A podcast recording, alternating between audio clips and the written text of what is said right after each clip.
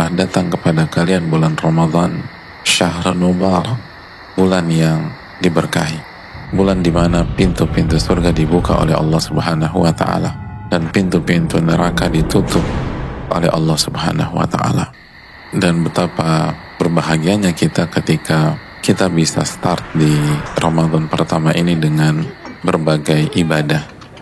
Sabda Nabi kita Sallallahu Alaihi Wasallam, "Man sama Ramadhan imanan wa ihtisaban, ghufira lahu ma taqaddama min dhanbih." Barang siapa yang berpuasa Ramadan karena imannya, bukan karena paksaan, bukan karena kultur, bukan karena terbawa lingkungan, tapi karena iman.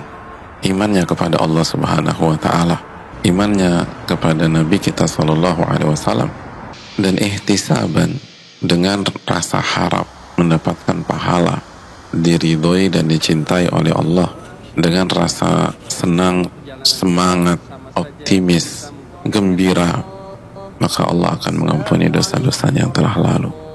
Jangan ada ceritanya orang yang puasa tuh lemes nggak energik mumet. Orang-orang beriman tuh puasanya ihtisab mengharapkan pahala